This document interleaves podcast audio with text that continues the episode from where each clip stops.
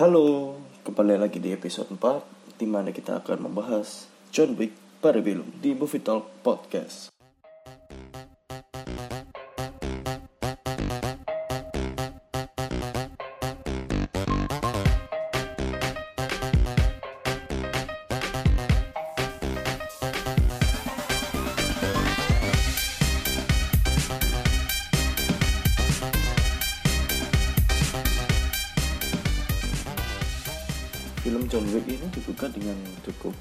Asik ya, eh, cukup menyegarkan mata. Di mana ada adegan di mana John Wick sedang berlari untuk mencari perlindungan.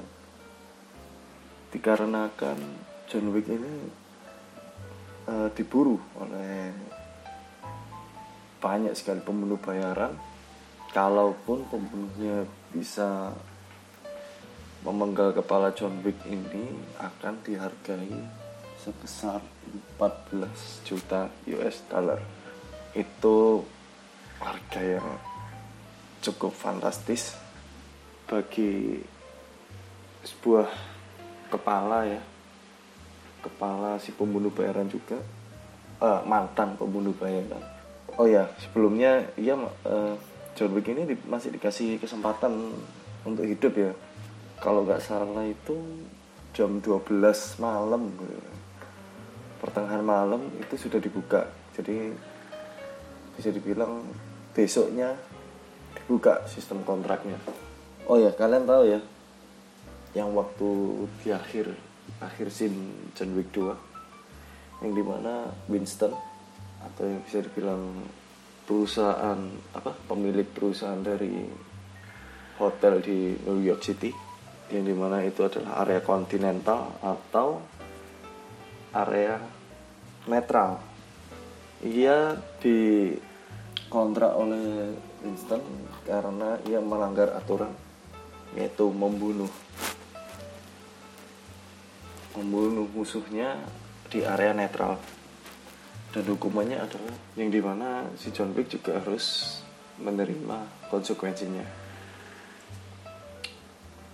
Nah, di film John Wick 3 ini kisah lanjutan dari John Wick 2 yang tentunya kalian juga harus nonton John Wick 1 kemudian lanjut ke John Wick 2 supaya kalian paham ya sama ceritanya. Oh ya awal kisah John Wick ini cukup unik ya. Dia bisa sampai ke titik chapter 3 ini hanya karena seekor anjing dan mobilnya. Nah, sampai segitunya ya si John Wick ini melindungi apa yang dia punya. Ngomong-ngomong soal film John Wick 3 ini dibandingkan dengan film-film John Wick yang lainnya, nggak terlalu jauh beda. Namun ada sedikit perbedaan.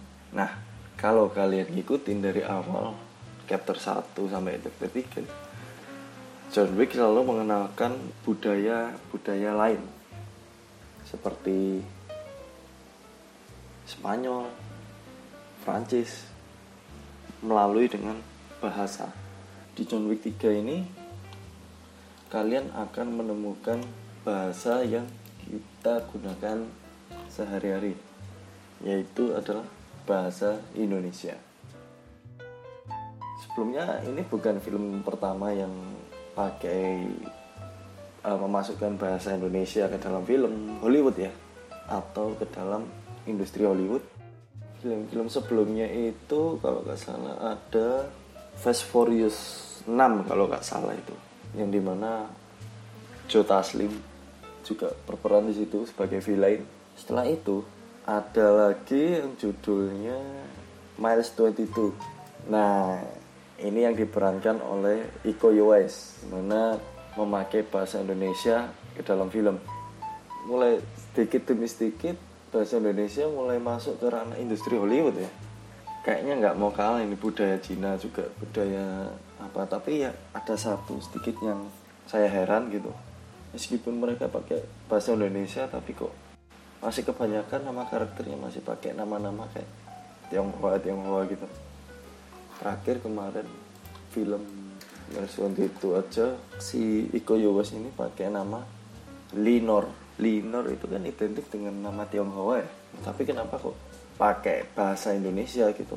Kayak ya relate aja gitu.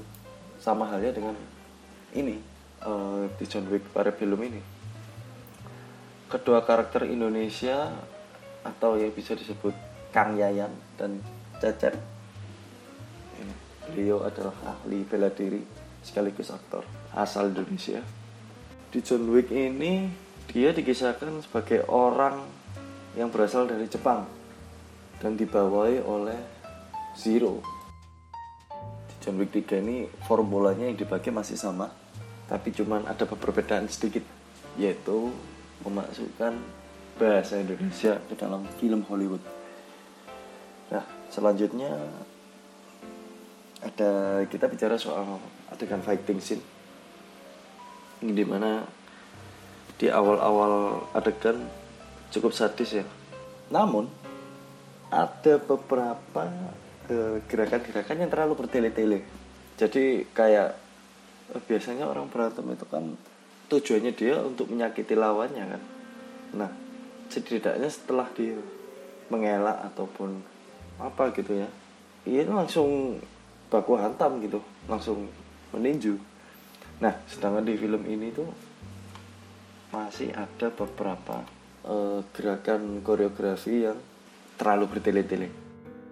Koreo ini pernah dipakai oleh film Biru Sableng kalau nggak salah. Ya kalian kalau lihat film Biru Sableng pasti tahu lah. Ya adegannya uh, pada saat fighting scene-nya ada beberapa yang terlalu bertele-tele.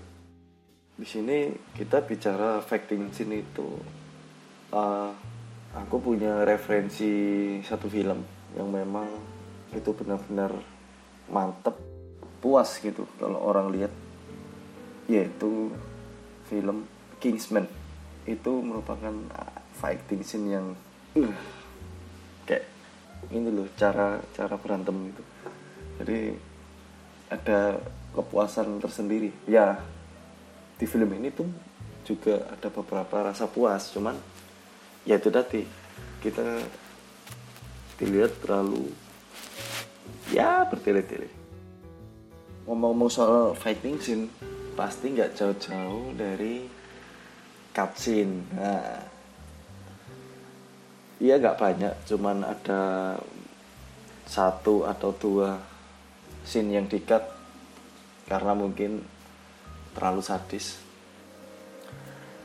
Film ini tayang di Indonesia dengan rating 17 plus.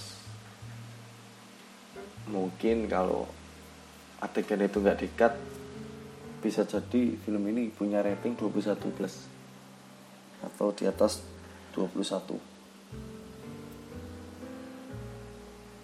Trik-trik kayak gini nih uh, pastinya kalian tahu ya film sebelumnya dari Lionsgate juga yaitu Hellboy.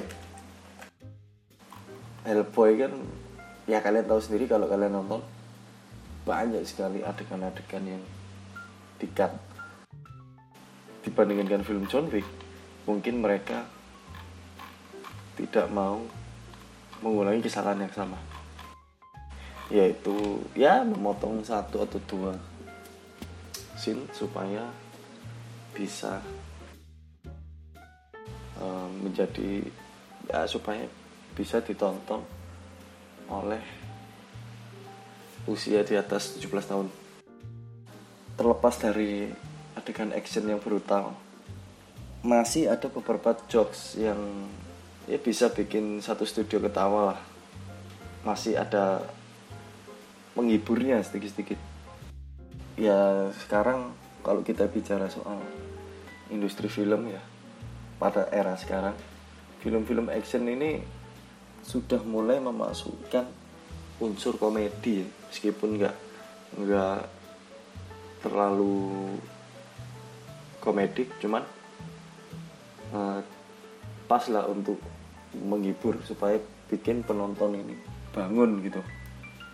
Oh ya film ini durasinya 2 jam 2 jam 45 menit buat kalian yang mungkin ya ada beberapa adegan memang yang bikin ngantuk. Terlepas dari itu juga ada beberapa jokes-jokes yang pas ya timingnya. Jadi kita nontonnya itu kayak ya meskipun ada ada ada teriburnya sedikit lah. Tadi kita bicara soal fighting scene ya di akhir-akhir penghujung film itu muncullah karakter Yayan dan Cecep. Kalau kalian belum tahu Yayan dan Cecep ini adalah aktor dari Indonesia sekaligus atlet bela diri. Di fighting scene ini yang di mana Keanu Reeves atau John Wick pada saat melawan Yayan dan Cecep kalau dilihat-lihat ya kayaknya mereka ini main aman. Kayak dia kalian pasti tahu lah kalau kalian lihat film Yayan atau Cecep yang sebelum-sebelumnya seperti The Raid, The Raid 2 di situ disuguhi adegan fighting scene yang sekiranya oke okay, cuman pada saat di film ini itu kayak terlihat mereka ini lagi main-main gitu. Lagi mainan apa kayak anak kecil berantem gitu loh. Kalau kalian mengamati ya. Jadi uh, kayaknya ini terlalu aman terlalu main aman. Di dalam adegan ini aku nggak terli aku nggak melihat uh, karakteristiknya Yayan Ruhian di sini ataupun Cecep. Tapi mereka cukup mengenalkan budaya silat di dalam film ini. Terlihat dari gesturnya ya pada saat bertarung dan satu ada senjata khas Indonesia yang dibawa di film ini kayaknya itu senjata yang sama pasti pakai di grade 2 kalau nggak salah itu. Ngomong-ngomong soal adegan fighting ini ya.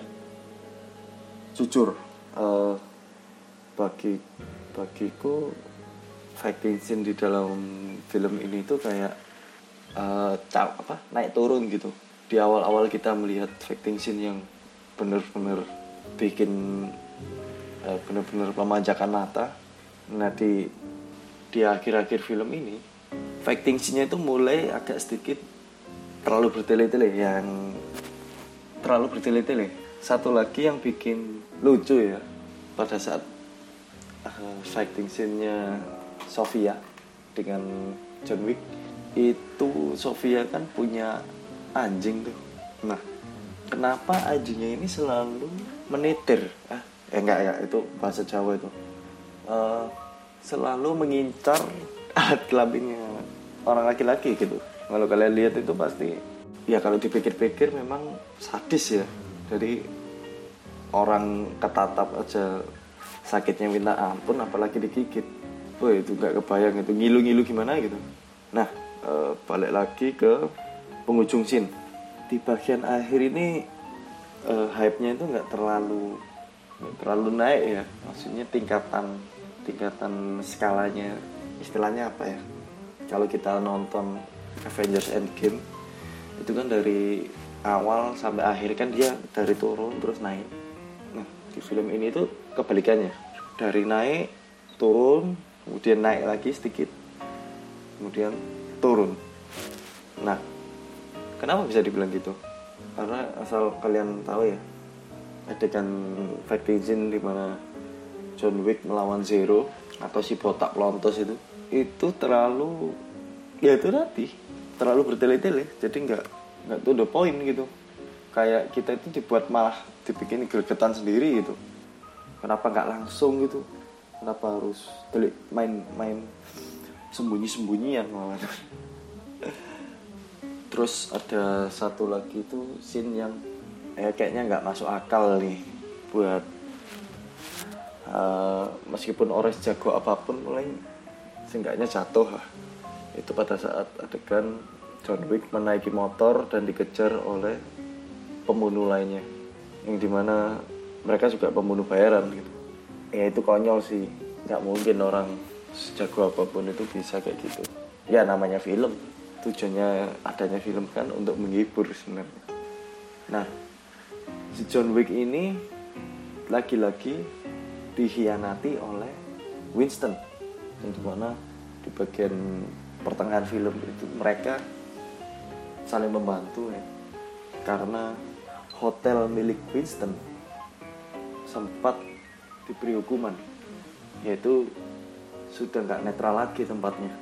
Jadi bisa terjadi bunuh-bunuhan di hotel itu.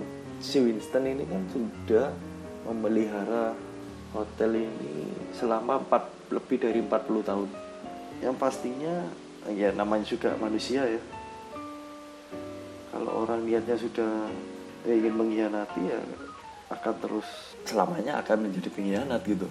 Jadi di situ ada adegan di mana Reeves setelah berantem nih sama tiga orang Asia ini dia menuju ke rooftop lalu bertemu dengan Winston karakter baru lagi yang namanya The Aju Diktator nah adjudikator ini kalau kalian belum tahu itu adalah karakter yang membuat John Wick kesusahan untuk mencari perlindungan. Di mana orang-orang yang pernah membantu John Wick itu dibunuh-bunuhin semua. Nah kembali lagi eh, nggak uh, dibunuh-bunuhin semua sih cuma di uh, diberi sanksi selama tujuh hari kalau nggak sanggup kalau nggak sanggup ya mereka harus terima konsekuensinya Nah pada akhirnya si John Wick ini kembali ke dunianya menjadi pembunuh bayaran lagi gitu dengan mengorbankan jari manisnya untuk dipotong gitu. Ya mungkin itu adalah perjanjiannya ya supaya kalau istilahnya itu kalau orang sudah terjun ya mau nggak mau harus menjadi pembunuh bayaran seterusnya gitu. Salah satu alasan terkuatnya adalah ya seorang istrinya itu membuat John Wick kembali lagi ke high table atau yang bisa dibilang menjadi pembunuh bayaran lagi. Nah, setelah John Wick ketemu dengan The Adjudicator dan Winston, pada akhirnya Winston ini mengkhianati John Wick lagi, seperti halnya yang terjadi di film John Wick yang kedua. John Wick ini dikhianati oleh Winston. Si Winston ini berusaha untuk membunuh John Wick ya, dan akhirnya terlempar dari hotel yang tingginya itu nggak main-main. Itu bohong banget sih kalau orang jatuh dari situ nggak mati. Di menit-menit terakhir ternyata John Wick dibawa ke King Bowery. Di tengah-tengah ini kan King Bowery kan sempat didatangi oleh Aju Dikator The Aju Dikator. Nah si Bowery ini dibantai habis-habisan oleh si Zero. Istilahnya tuh disayat lah dengan pedangnya. Ternyata mereka nggak mati gitu. Raja Bawor ini sempat bilang sebelum disayat itu ya atau sebelum di um, sebelum diajar gitu King Bawori ini adalah seorang raja yang mempunyai umur panjang gitu. Nah ternyata beneran di menit terakhir ini meskipun disayat atau istilahnya itu tergores pedang sebanyak tujuh kali King Bawori ini masih hidup gitu. Masih hidup dan sepertinya akan bekerja sama dengan Keanu Reeves atau John Wick. Dan John Wick ini seperti orang sekarat ya, ya gimana nggak sekarat jatuh gedungnya? Jat ya gimana nggak sekarat? Jatuh dari gedung yang tingginya itu ya kalau di Surabaya itu ada namanya Java Paragon ya tingginya segitulah kita dari tadi banyak ngomongin soal film John Wick ini ya Nah ini ada sesi baru yaitu gimana? Sesi ini adalah merupakan saran dari sudut pandang filmmakers. Nah kalau kalian ngikutin serial John Wick dari chapter 1 ke chapter 3 aku rasa kayaknya karakter si John Wick ini perlu untuk diistirahatkan. Yaitu adalah sebuah masukan yang masuk akal gitu. Atau yang bisa dibilang realistis lah istilahnya. John Wick ini sudah capek-capek diburu sama orang dari season eh, dari chapter 1 sampai ke film yang terakhir ini chapter 3 di mana semua banyak terlibat saling membunuh dan berjatuh-jatuhan dan banyak hal lah. Nah, kita langsung aja kalau misalkan eh, aku beli saran ya. Kayaknya adegan di mana si King Bowery bertemu dengan John Wick ini di menit-menit terakhir itu kayaknya dihilangkan aja deh itu bisa jadi uh, cara mulus untuk lanjut ke uh, film selanjutnya gitu atau yang film John Wick yang keempat nah dengan begitu kan orang semakin penasaran ya. Wah ini John Wick beneran mati apa enggak ya? Gini gini. Jadi kayak ada rasa ingin tahu yang cukup besar gitu. Menurutku uh, Chad Stahelski atau director dari film Parabellum ini itu nggak seluruhnya salah. Cuman di bagian akhirnya itu tadi gitu cukup sangat disayangkan kenapa kok dilihatkan John Wick masih hidup. Harusnya kan ya biarin mati gitu. Dan adegan itu harusnya nggak ada. Udah itu aja episode kali ini. Jangan lupa follow instagram movie talks ya. At movie talks id sorry kalau nggak bisa bahas banyak. Mungkin kalau kalian mau diskusi lebih lanjut bisa langsung ke instagram movie talks id sampai jumpa di episode selanjutnya